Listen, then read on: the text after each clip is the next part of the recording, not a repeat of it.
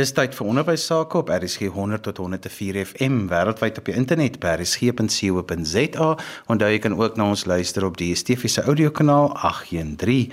Vandag kuier ons by professor Ignatius Gous en ons gesels vandag oor watter rol speel onderwysers in die ontwikkeling van leerders se kundigheid in verskillende vakke. Ignatius, jy noem hierdie geselsie eintlik ryk na die sterre. Ja Johan, dit gaan oor die deels oor die Dunning-Kruger effek in praktyk. Want ek weet nie of jy nou al ooit langs 'n skool se sportveld gestaan het nie. En het jy dan beleef dat daar iemand langs die lyne staan wat nou net alles, maar alles weet van hoe daardie span eintlik moet speel? Sulke mense is gewoonlik 100% seker van hulle saak en hulle laat dit ook vir almal weet. Dit gebeur nie net met hierdie afrigters van formaat nie. Mense kry ook hierdie amateur spesialiste wat seker is van hulle saak op elke lewensterrein en in elke dissipline. Sulke mense kan wel kenners wees en soms uit onverwagse oord. Ek onthou 'n geleentheid waar 'n vriend van my wat 'n professor in Grieks was, maar wat ook vir sy ontspanning verwerk gedoen het, in sy verfklere in 'n kafeteria naby 'n klomp studente gesit het. Nou hulle was in 'n ewige gesprek oor die antieke geskiedenis betrokke, dis nou die klomp studente, maar hulle het die pot heeltemal misgesit. Hy wou eers nie betrokke raak nie want hy was nie deel van die gesprek nie, maar hy kon dit later ook nou nie meer uithou nie. En hy draai toe om en help hulle reg. Die verbasing oor hierdie verwer se insigte bly hulle seker tot vandag toe nog by. Maar die teendeel is egter ongelukkig ook waar, waar mense wat allermins kenners is op 'n gebied, baie hoog opgee oor wat hulle weet en baie seker is van dit wat hulle glo en kwytraak. Maar dit stop egter nie daar nie. Daar is baie werklike kenners wat ook hulle kennis en vermoëns oorskat. Nou waar kom hierdie verskynsel vandaan? Wel dit is 'n eeueoue fenomeen wat in die antieke tye as hubris beskryf is en dit is nou maar gewoon oormatige vertroue. Maar deesdae is dit meer bekend as die Dunning-Kruger effek wat eintlik gaan oor metakognisie en hipokognisie. Metakognisie is die vermoë om jou eie denkprosesse en dis ook jou eie vaardigheidsvlakke raak te kan beoordeel. En hipokognisie gaan oor oningeligtheid of ignorance.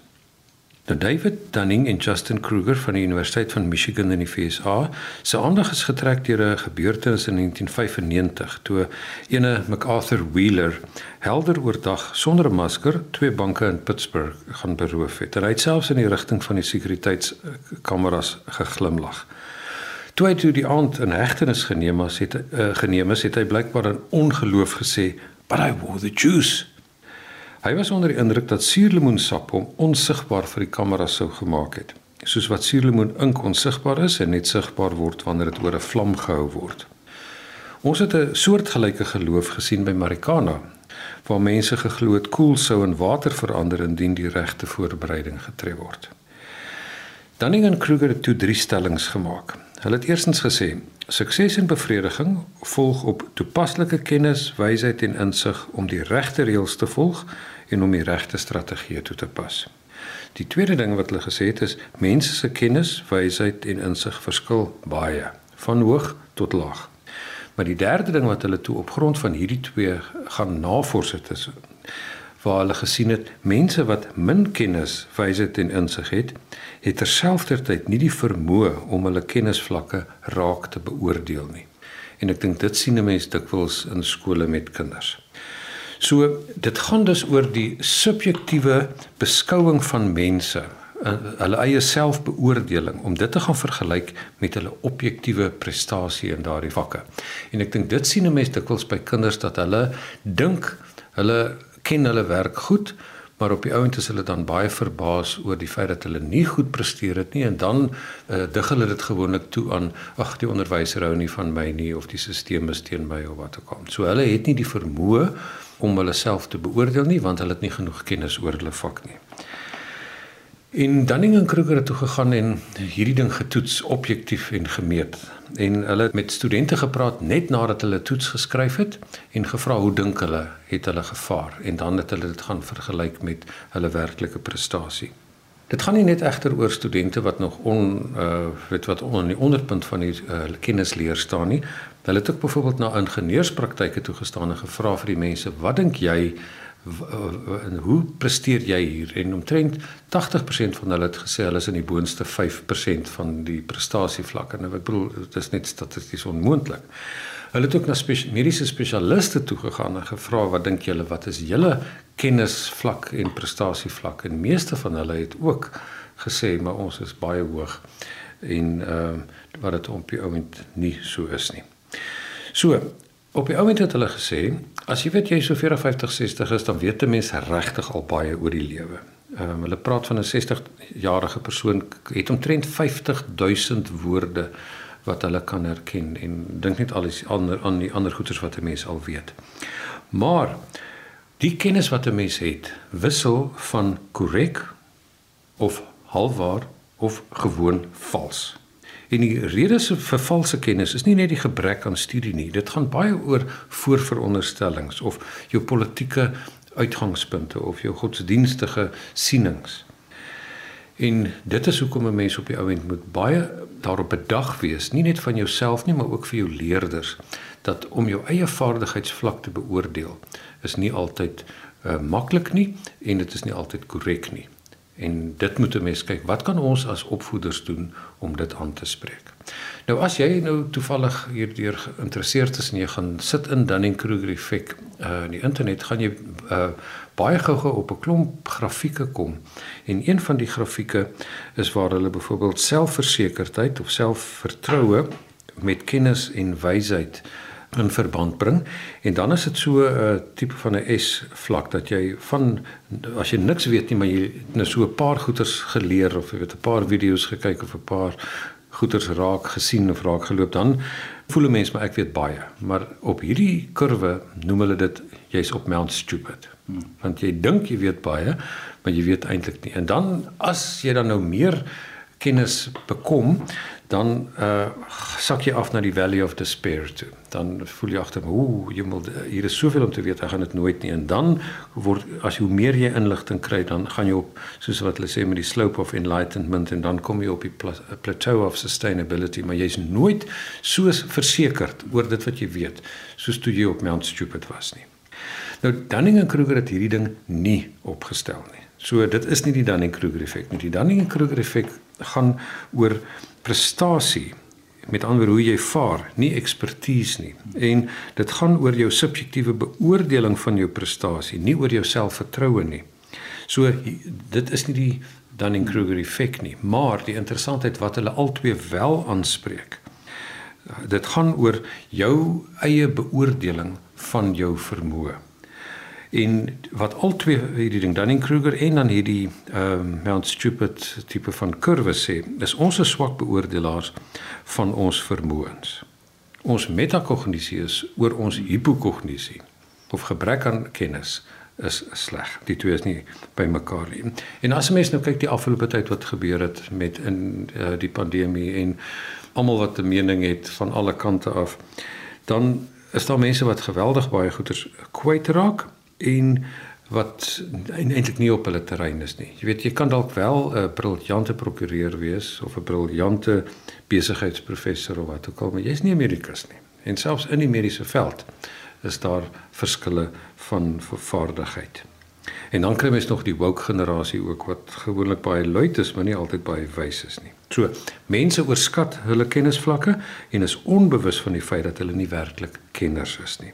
As jy sopas ingeskakel het, jy luister na ons in die onderwys saam met my Johan van Lille op RSG 100 tot 104 FM wêreldwyd op die internet by rsg.co.za en daar jy kan ook na ons luister op die Stefiese audiokanaal 813.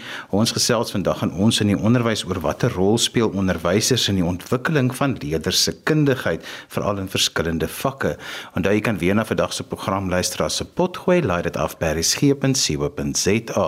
Ignatius, ons het nou al lekker gesels gesels oor die Dunning-Kruger effek op in die eerste gedeelte van die program en jy het dit nou baie lekker in in konteks gebring van wat mense weet en wat mense nie weet nie. Vertel vir ons meer. Vertel vir ons verder.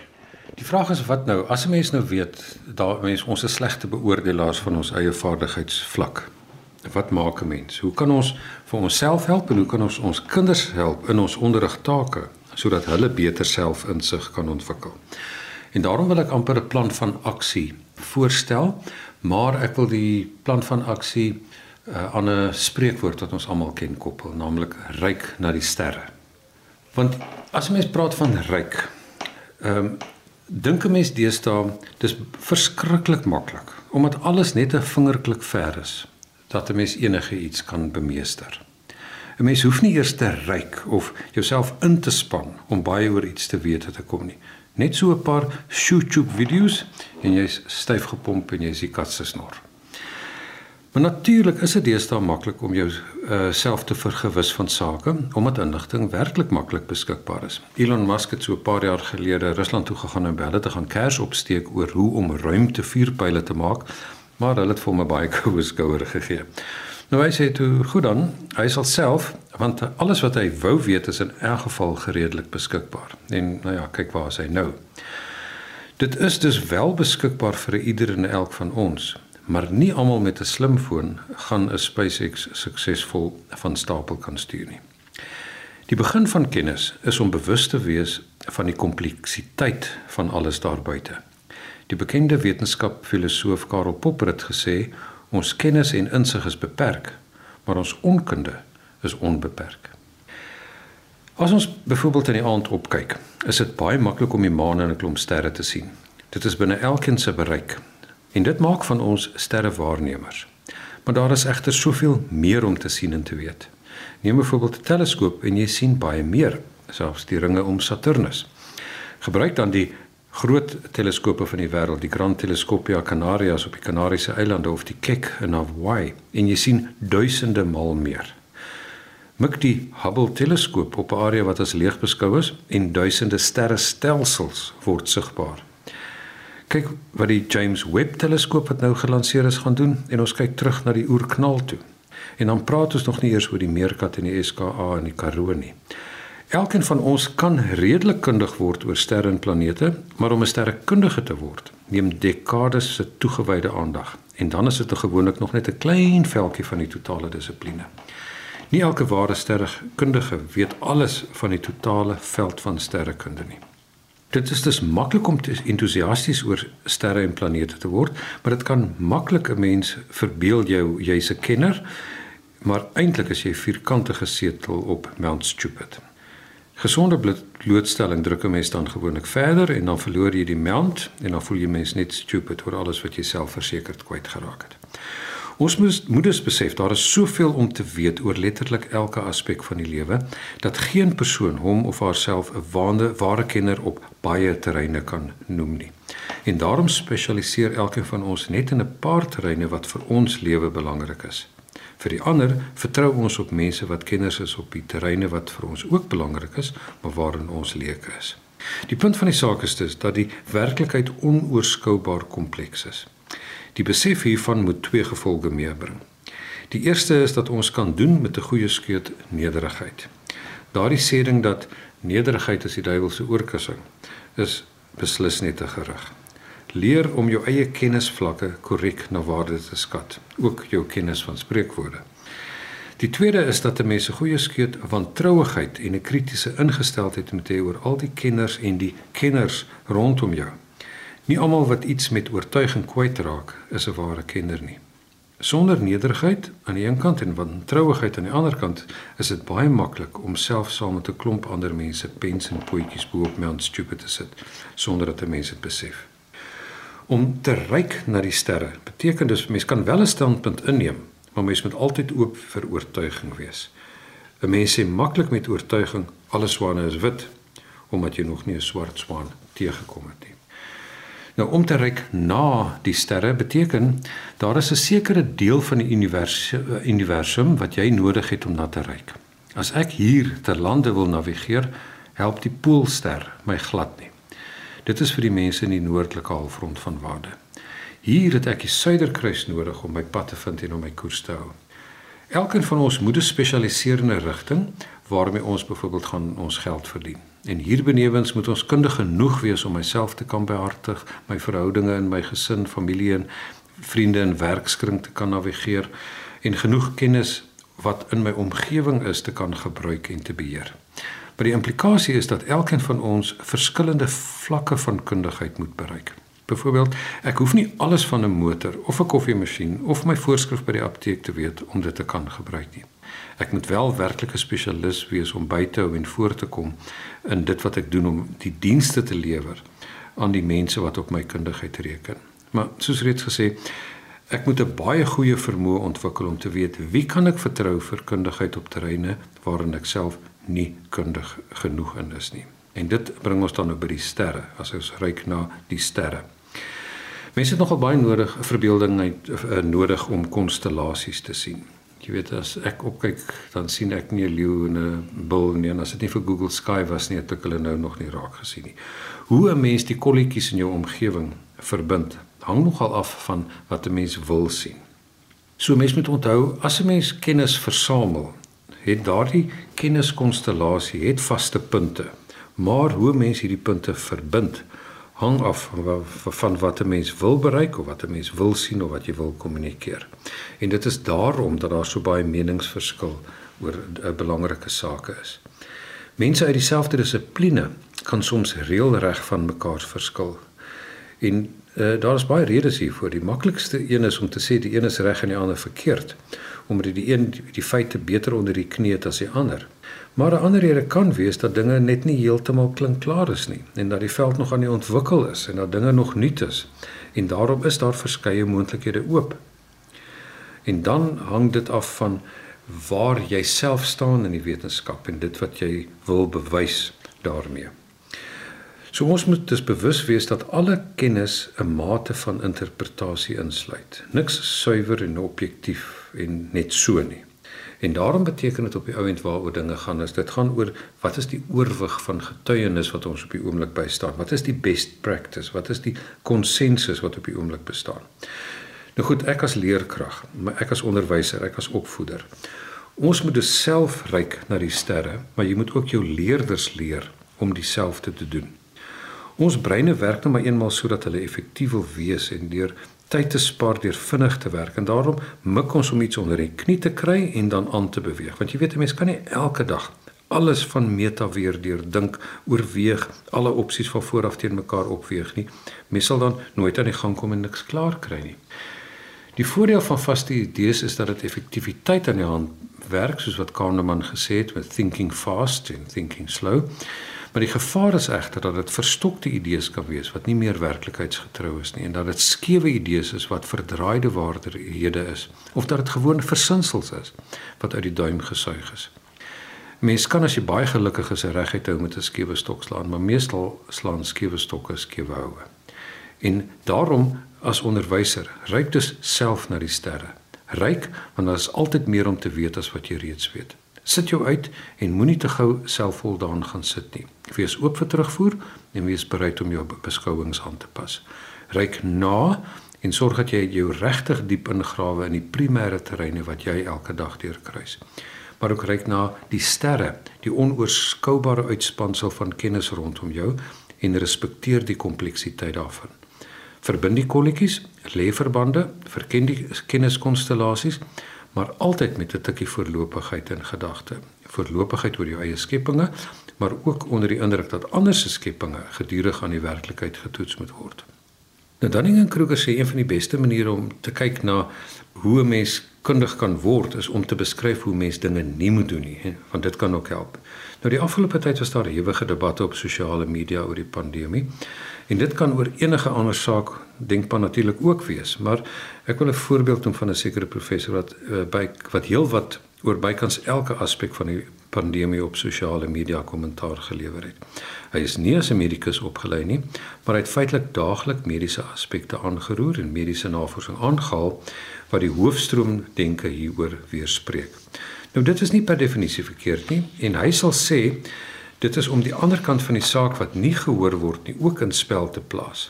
Maar die manier waarop hy dit gedoen het is dat dit eensaidig na 'n ander kant toe is. 'n Navorser moet altyd ewewigtig wees, anders is dit propaganda. 'n Mens mag 'n mening hê en stel, maar as dit vanuit 'n spesifieke agenda kom, dan begin dit soos 'n bevestigingsvooroordeel of confirmation bias, confirmation bias uh, geld. En dan begin dit negatief op die korrekte interpretasie inwerk. En dan begin 'n mens statistieke verdraai en veert, uh, feite verkeerd inspan. Op hierdie manier versake mense 'n ander aspek van wat 'n opvoeder moet doen, naamlik kritiese denke. Want jy weet 'n mens moet jou leerlinge leer hoe om te dink en nie wat om te dink nie. So as navorser moet jy nie 'n propagandis wees nie en uh, as opvoeder moet jy nie 'n proselietmaker wees nie want dan is jy nie 'n 'n professor meer nie dan is jy 'n prop uh met 'n propagandis en 'n proselietmaker. Aan die ander kant nou, hoe help ons ons leerders om te reik na die sterre? Ons help hulle deur weetgierigheid en curiosity te stimuleer.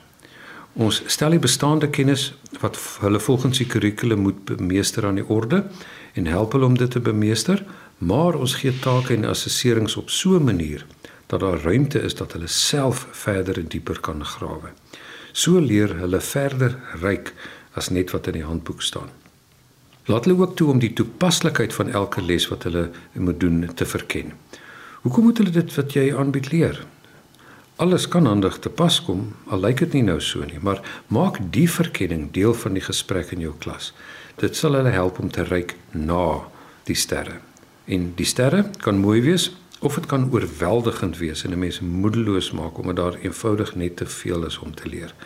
Nou dis hier waar Vygotsky Vygotsky vir ons help. As ons sê ons moet die leerder ontmoet waar hy of sy is en by wat hulle self kan doen en dan moet ons hulle lei na dit wat hulle nog nie doen nie. So gee ons vir hulle struktuur deur te wys hoe hulle baie werk stukstuk kan doen met 'n goeie werksplan maar werk ook in groepe waar hulle byvoorbeeld met die legkaart metode of die jigsaw metode gereeld vir mekaar moet vertel om te sien wat hulle wel reeds onder die knie het om so hulle vaardigheidsvlak te kan beoordeel.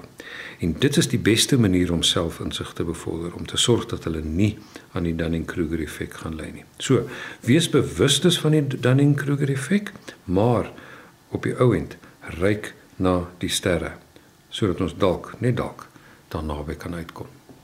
En so gesels professor Ignatius Gous en ons in die onderwys vandag. Ons het gesels oor watter rol speel onderwysers in die ontwikkeling van leerders se kundigheid in verskillende vakke. Onthou jy kan weer na vandag se program luister as 'n potgooi, laai dit af by resgep.co.za. Skryf gerus vir my e-pos by Johan by vvmedia.co.za. daarmee groet ek dan vir vandag tot volgende week van my Johan van Lille. Totsiens.